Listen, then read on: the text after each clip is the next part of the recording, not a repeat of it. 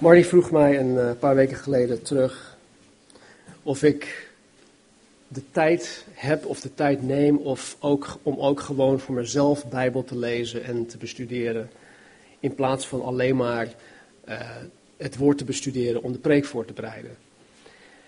En uh, ik moest eerlijk bekennen dat ik dat niet echt, of dat ik daar niet heel veel tijd aan besteed. En uh, toen zei ze van, ja, maar dat is toch niet goed? Ik zeg, nou, ja en nee. Persoonlijk, wanneer ik met de preekvoorbereiding bezig ben, dan haal ik er zelf zo ontzettend veel uit.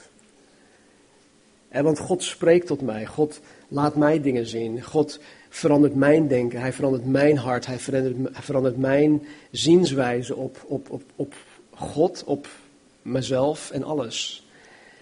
En dus ja, in, in deze fase van mijn leven, uh, waarin ik dus uh, voorganger ben van de gemeente, uh, een baan heb daarnaast en wat andere dingen die mij, die best wel wat tijd in beslag nemen, geloof ik dat God mij gewoon deze tijd gunt in mijn tijd alleen met Hem, wanneer ik mijn preek aan het voorbereiden ben, om tot mij te spreken.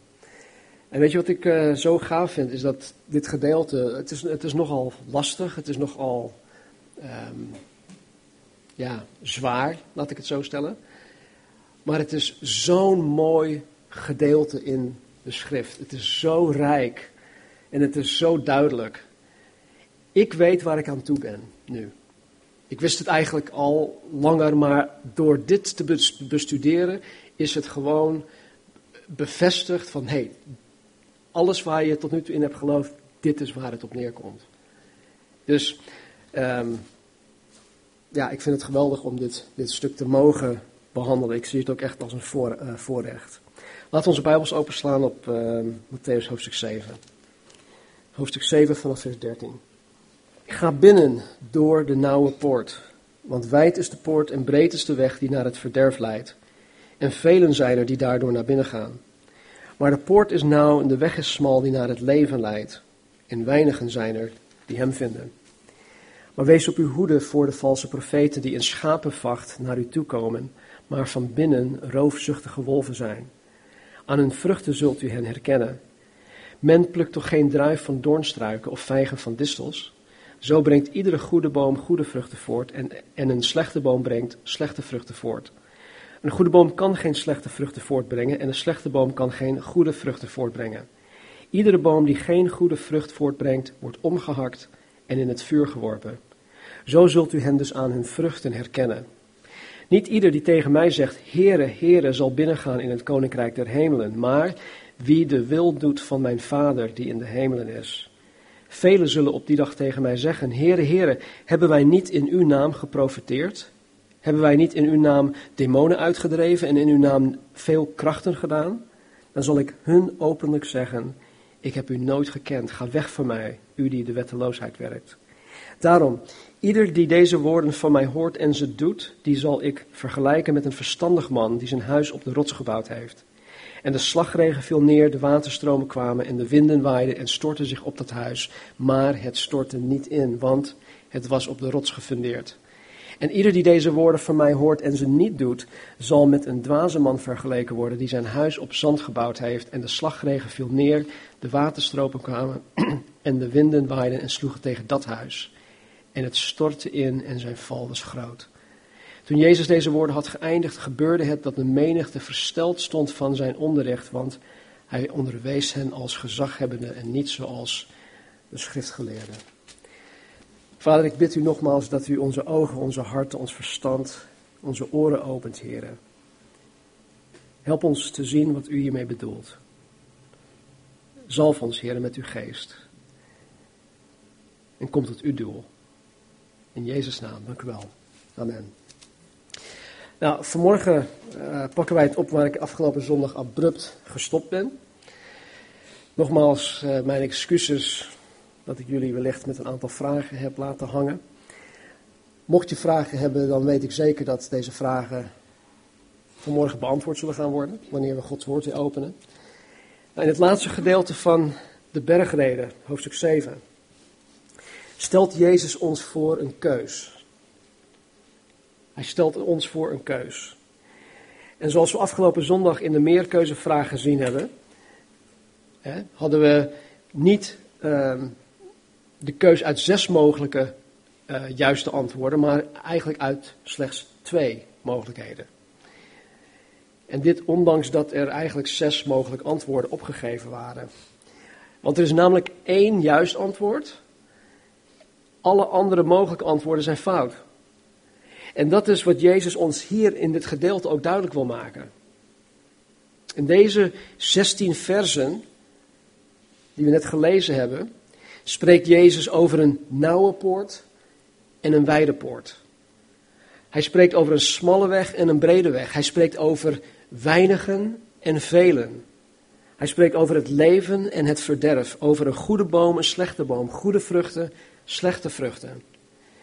Hij spreekt over mensen die Gods wil daadwerkelijk doen en mensen die slechts zeggen dat zij Gods wil doen. Hij spreekt over mensen die Jezus woorden horen en gehoorzamen en mensen die Jezus woorden horen en niet gehoorzamen.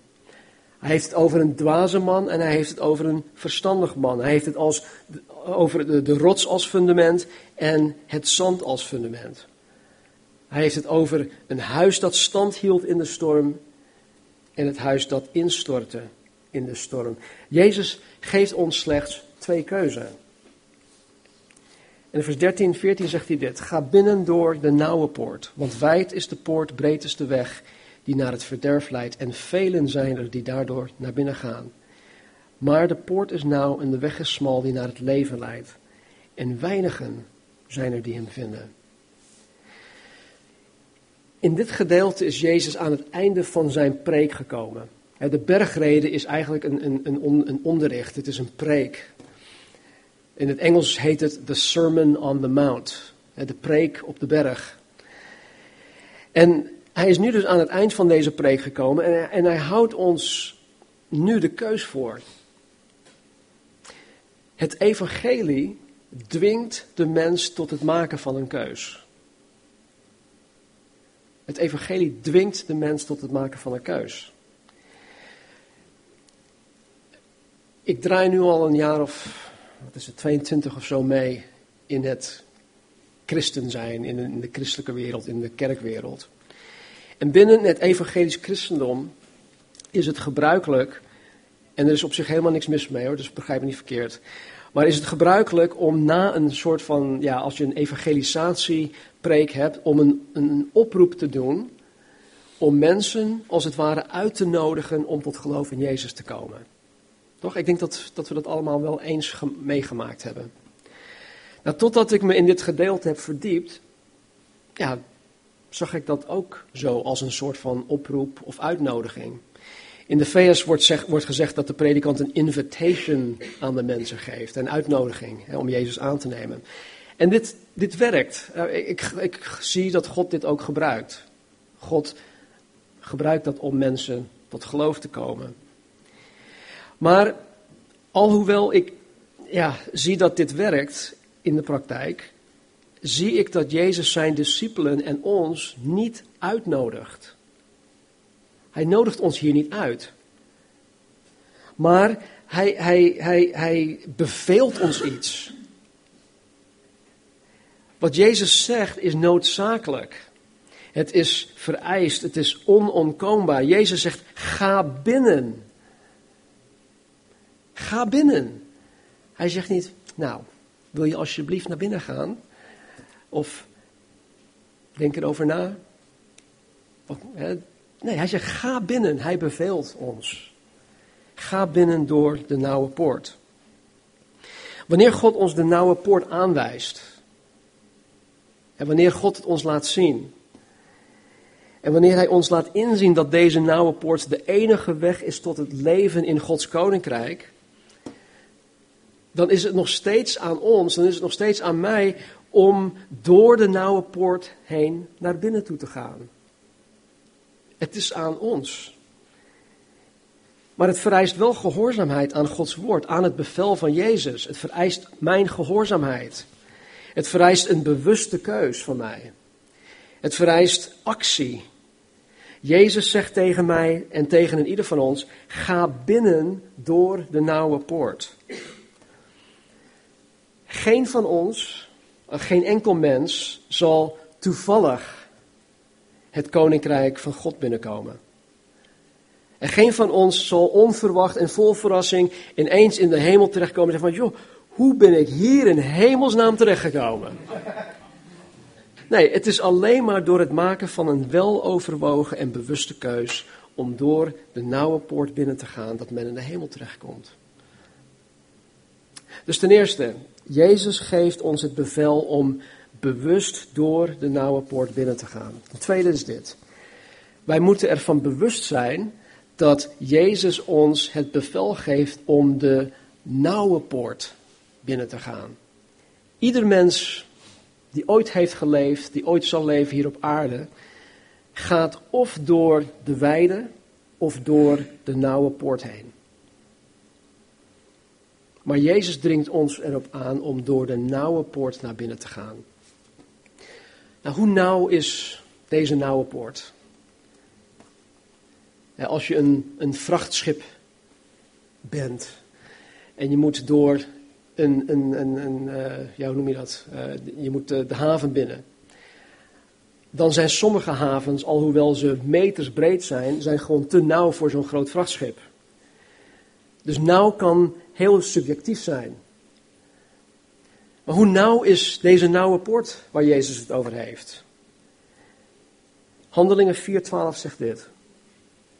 De zaligheid is in geen ander. De zaligheid is in geen ander, want er is onder de hemel geen andere naam onder de mensen gegeven waardoor wij zalig moeten worden.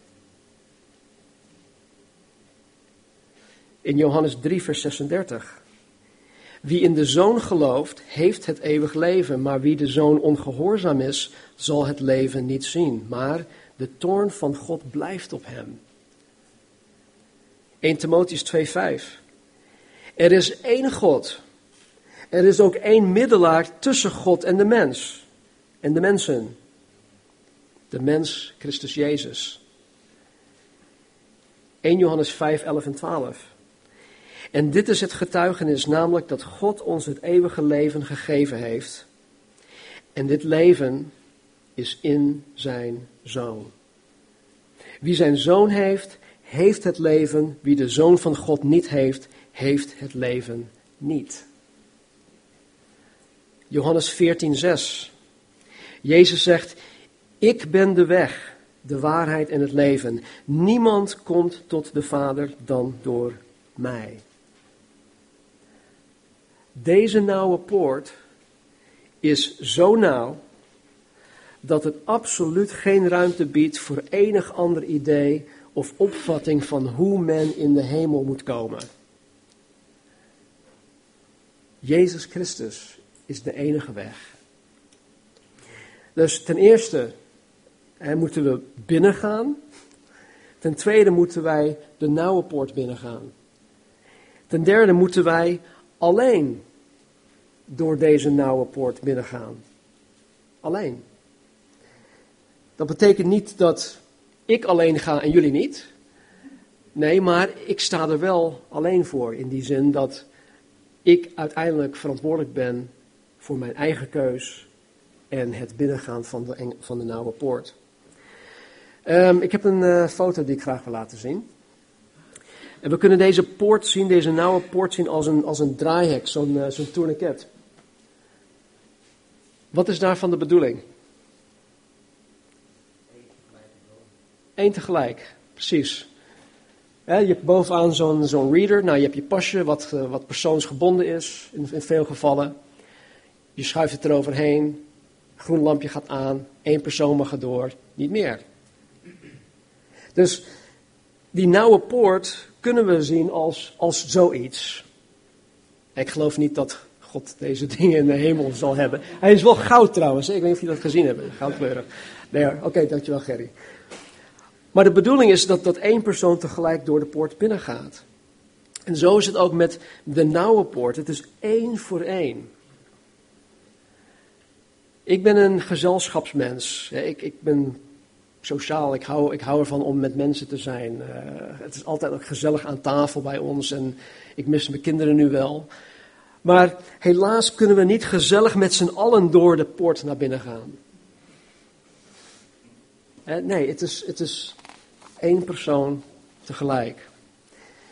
Ik denk dat de reden waarom Jezus het ook zegt is omdat de Joden van Jezus' tijd, die, die waren onder een foute veronderstelling dat omdat zij etnisch Joods waren, zij dachten dat zij een soort van vrijbrief hadden om als bevolkingsgroep Gods koninkrijk binnen te kunnen gaan.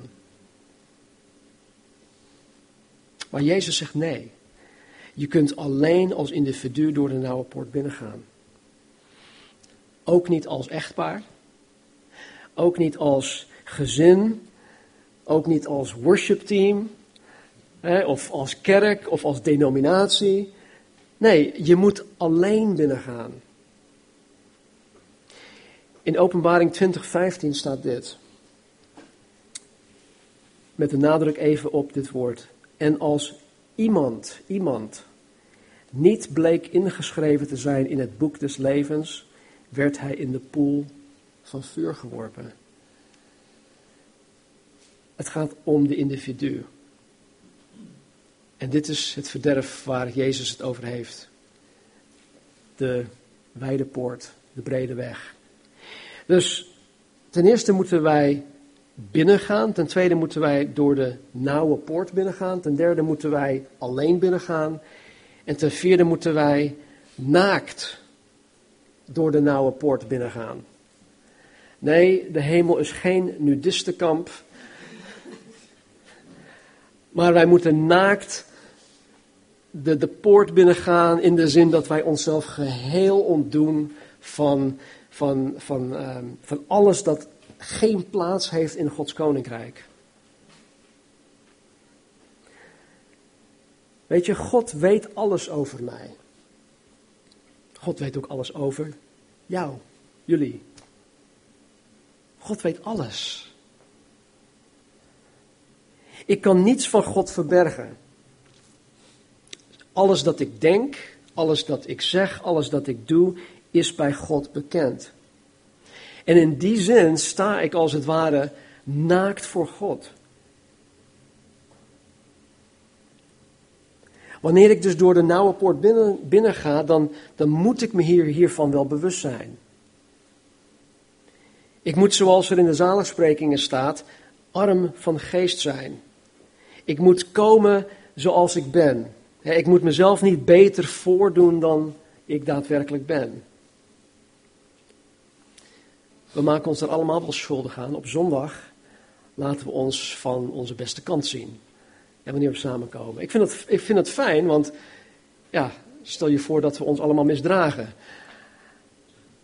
Maar snap je, het is mens eigen om zich toch ja, iets beter te willen voordoen dan dat we daadwerkelijk zijn. Maar bij God kan dat niet. Wij, kunnen God niet voor de gek houden. Ik mag door de nauwe poort binnengaan met, met al mijn rotzooi. En wetende dat God door zijn woord, door de Heilige Geest, mij zal gaan veranderen naar het beeld van Jezus Christus, zijn zoon. Paulus omschrijft het zo mooi. Hij zegt: Wij veranderen van dag tot dag, van glorie tot glorie, in zijn evenbeeld. God verandert ons. Ik mocht het aan, aan, aan uh, Marnie's broertje vertellen, want hij was zo hij voelde zich zo bezwaard dat hij niet tot God kon komen, omdat hij nog rookte, omdat hij nog blode, omdat hij nog dit, omdat hij nog dat. En dat hele waslijst van dingen van, nee, ik, ik kan niet naar God toe. Toen zei ik tegen hem, hey, listen. Jesus cleans his fish after he catches them. Dat was voor hem zo'n gigantisch grote opluchting. En weet je wat? Diezelfde week is hij tot God gekomen. Met al zijn rotzooi. Ik hoef mezelf dus niet eerst heilig te maken. Ik hoef niet alles op een rijtje te hebben. Ik hoef niet een, een, eerst een soort van superchristen te zijn voordat ik door de nauwe poort binnen ga. Nee. Maar ik moet wel in alle oprechtheid en nederigheid tot God komen. En zonder enige eigen gerechtigheid, zonder enige trots, zonder enige ambities, zonder enige rechten.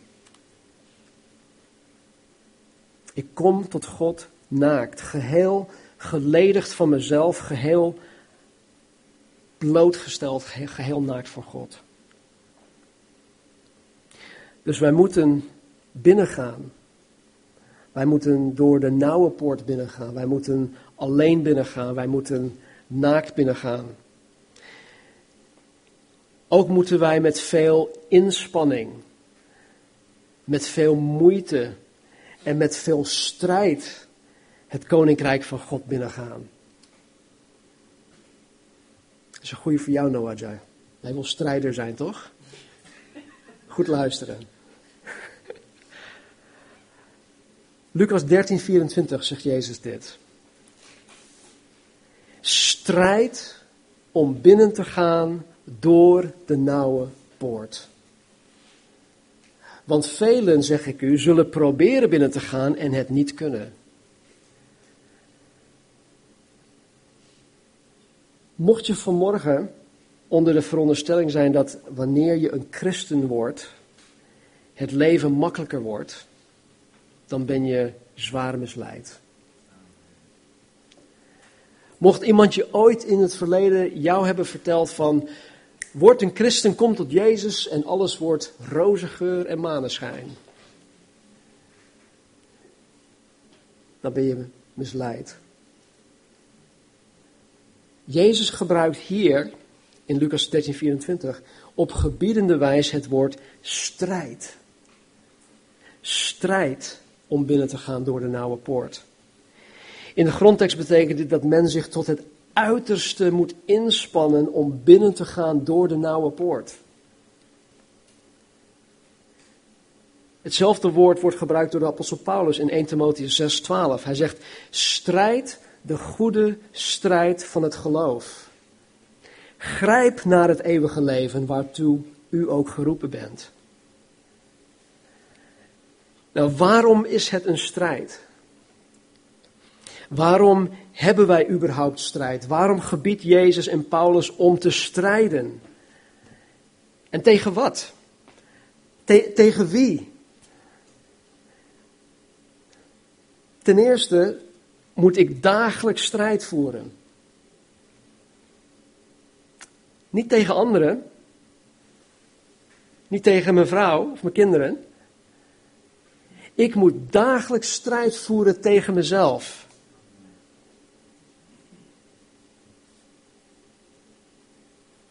Ik moet strijden tegen mijn eigen wil. Want ik wil zoveel. Ik moet strijden tegen mijn eigen wijsheid. Mijn gevoelens, mijn emoties. Mijn foute emoties.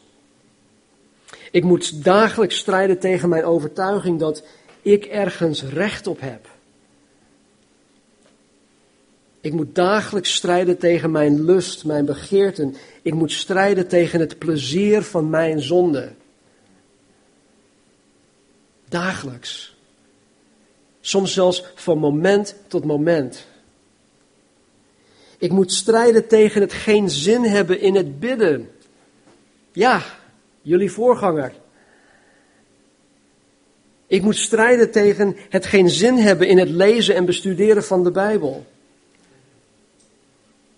Ik moet strijden tegen het geen zin hebben in, in, in, uh, in het gehoorzamen van Gods woord. Het geen zin hebben in het voorbereiden van een preek. Het geen zin hebben in het bellen van een persoon die mij nodig heeft.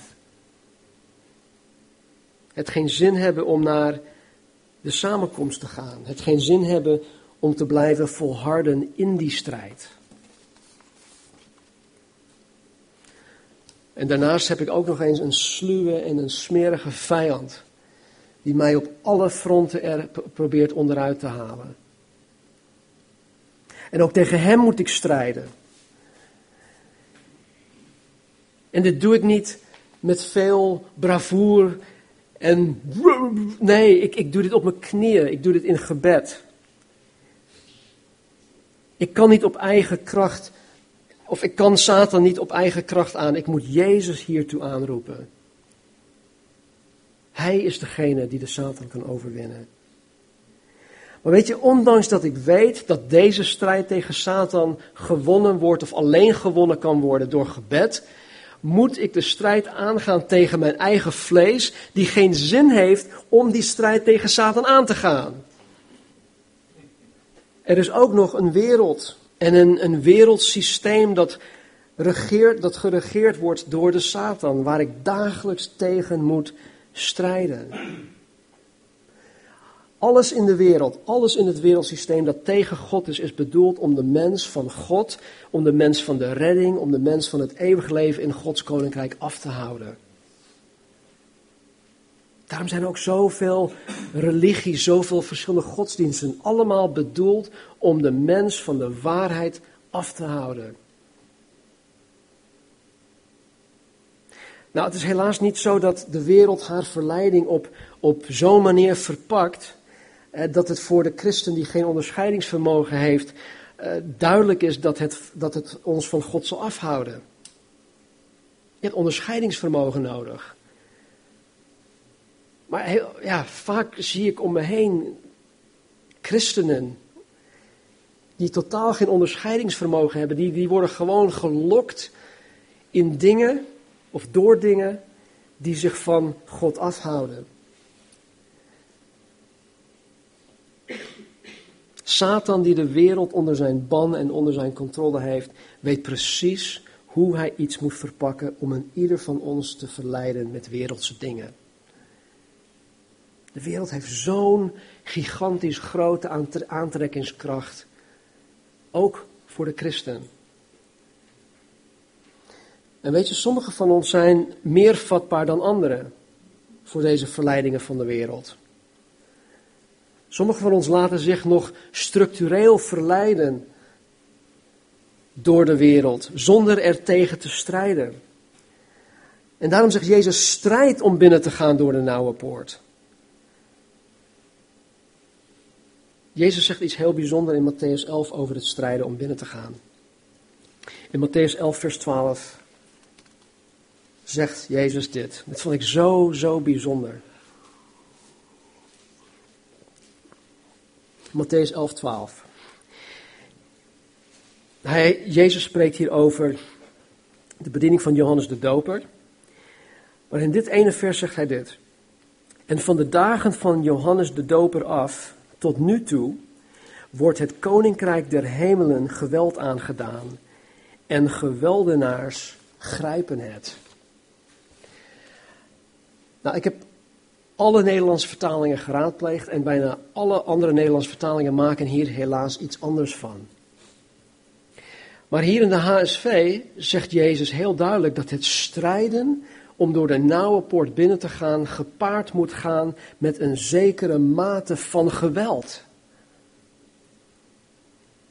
Het strijden om de, de nauwe poort binnen te gaan gaat gepaard met geweld. Jezus zegt, geweldenaars grijpen het. Strijden om de hemel binnen te gaan vereist een bepaalde denkwijze. Het, het vereist een bepaalde houding, een, een bepaalde vastberadenheid om het kosten wat kost te doen. Ik ga ervoor.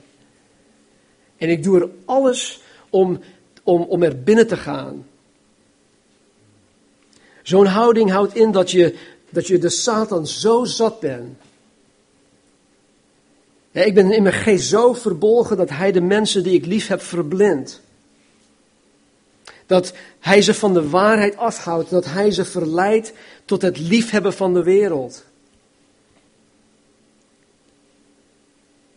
Ik ben zo verbolgen dat Satan mij telkens weer probeert te verleiden met zijn, zijn smerigheid, met zijn smerige tactieken en, en strategieën.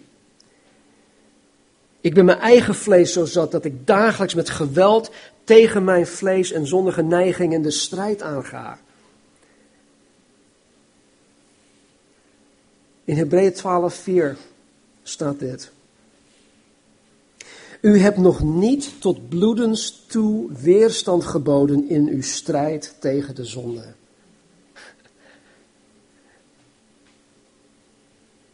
Mensen, het binnengaan door de nauwe poort die tot het eeuwige leven leidt, vereist geweld dat zegt: Ik sta niet langer toe dat Satan mij berooft van Gods vreugde en vrede en wat God voor mij heeft.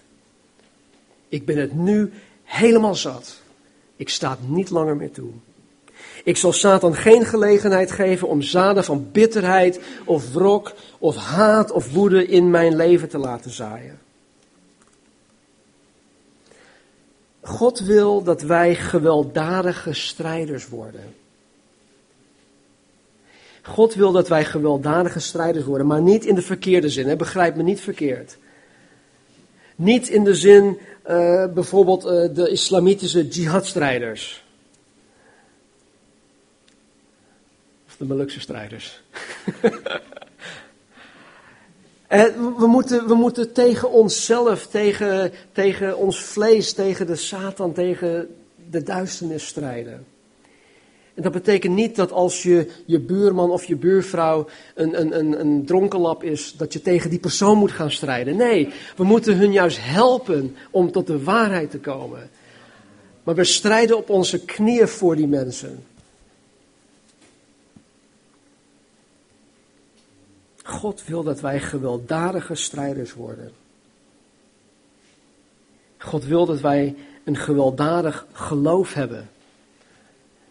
Een sterk geloof met een heilig geweld dat in de naam van Jezus met volledige inspanning tegen de poorten van de hel en tegen de bolwerken van Satan opkomen.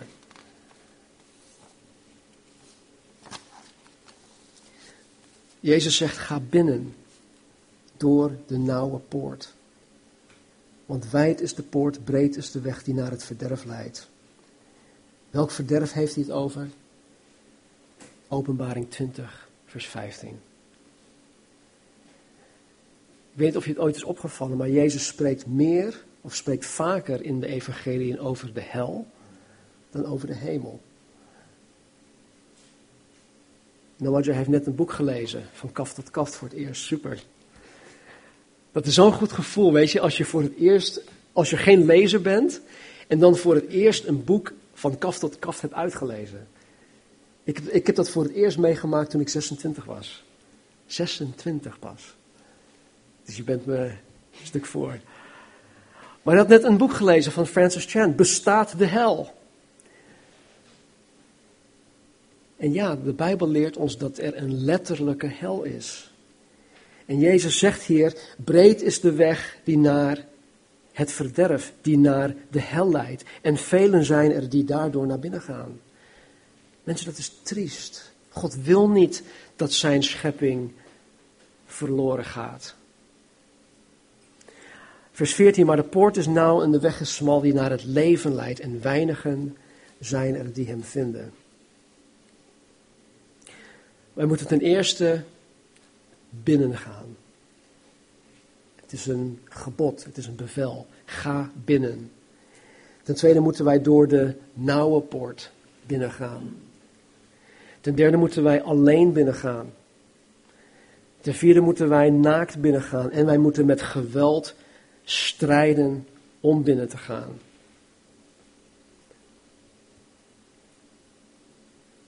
Is dat makkelijk? Nee.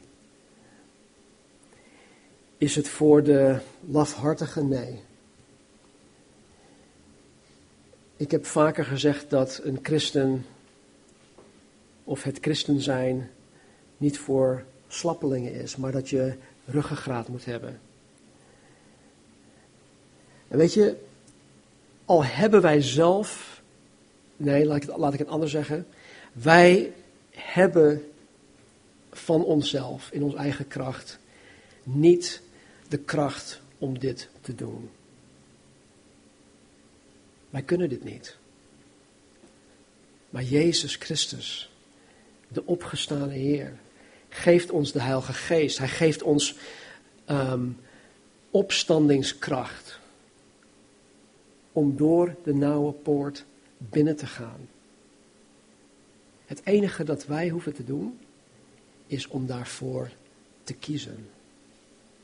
De keus is aan ons. De keuze is aan ieder van ons. En het is een dagelijkse strijd, het is een dagelijkse keus. Dus is het makkelijk? Nee. Is het soms heel erg lastig? Ja. Is het zwaar? Absoluut. Maar is het, is het het waard? Absoluut. Er is niets beter dan leven met Jezus Christus. Laten we bidden. Heer, ik dank u zo voor uw liefde. Vader, voor uw trouw. Heer, voor de duidelijkheid in uw woord. Heer, dat u ons niet in, in, in, uh, in het ongewisse laat. Heer, dat u ons ook niet uh, in verwarring laat. Maar dat u gewoon duidelijk bent. En dat u ons ook heel duidelijk laat zien wat onze opties zijn. Dus vader, met de kennis die we afgelopen zondag en vandaag hebben opgedaan vanuit uw woord, heren, help ons. Help ons om niet alleen voor onszelf de keus te maken, maar help ons ook om voor de mensen om ons heen te bidden dat zij die keus maken. Heren, waar wij in het verleden hierin gefaald hebben, vergeef het ons, Heer. En Heer, geef ons de genade die we zo nodig hebben om dit te mogen doen, te kunnen doen. En Heer, voor sommigen van ons is het misschien een, een moment om vanmorgen gewoon opnieuw die keus te maken. Heer, kom ons hierin tegemoet. Wij willen het, Vader. Jezus Christus, wij willen onszelf verloochenen. Wij willen ons kruis opnemen. We willen u navolgen. Geef ons alstublieft de kracht om het te doen. Heer, help ons om met geweld de strijd in te gaan. Heer, niet gewelddadig tegen anderen, maar met geweld, Heer, tegen ons vlees, met geweld tegen de duisternis, tegen de zonde. Dus Heer, ik dank u voor alles wat u tot heden hebt gedaan, dat u ons hebt behoed en bewaard van de valse profeten. Heer, blijf tot ons spreken door uw woord. Wees ons genadig. Wees, Heer, barmhartig. Heer, en waar wij ook tekortschieten, Heer, bedek dat met uw liefde en met uw vergeving. Dank u wel, Vader. U bent zo geweldig goed voor ons. On Christ, the solid rock, I stand. All others, all other ground is sinking sand. Dank u wel. Amen. Ik wil nog even een, uh, een gedicht van een zekere Jeff O'Hara voorlezen. Ik zal het eerst in het Engels voorlezen en dan in het Nederlands, mijn eigen vertaling. Why call me Lord, Lord, and do not the things I say? You call me the way, and walk me not. You call me the life, and live me not. You call me master, and obey me not. If I condemn you, blame me not.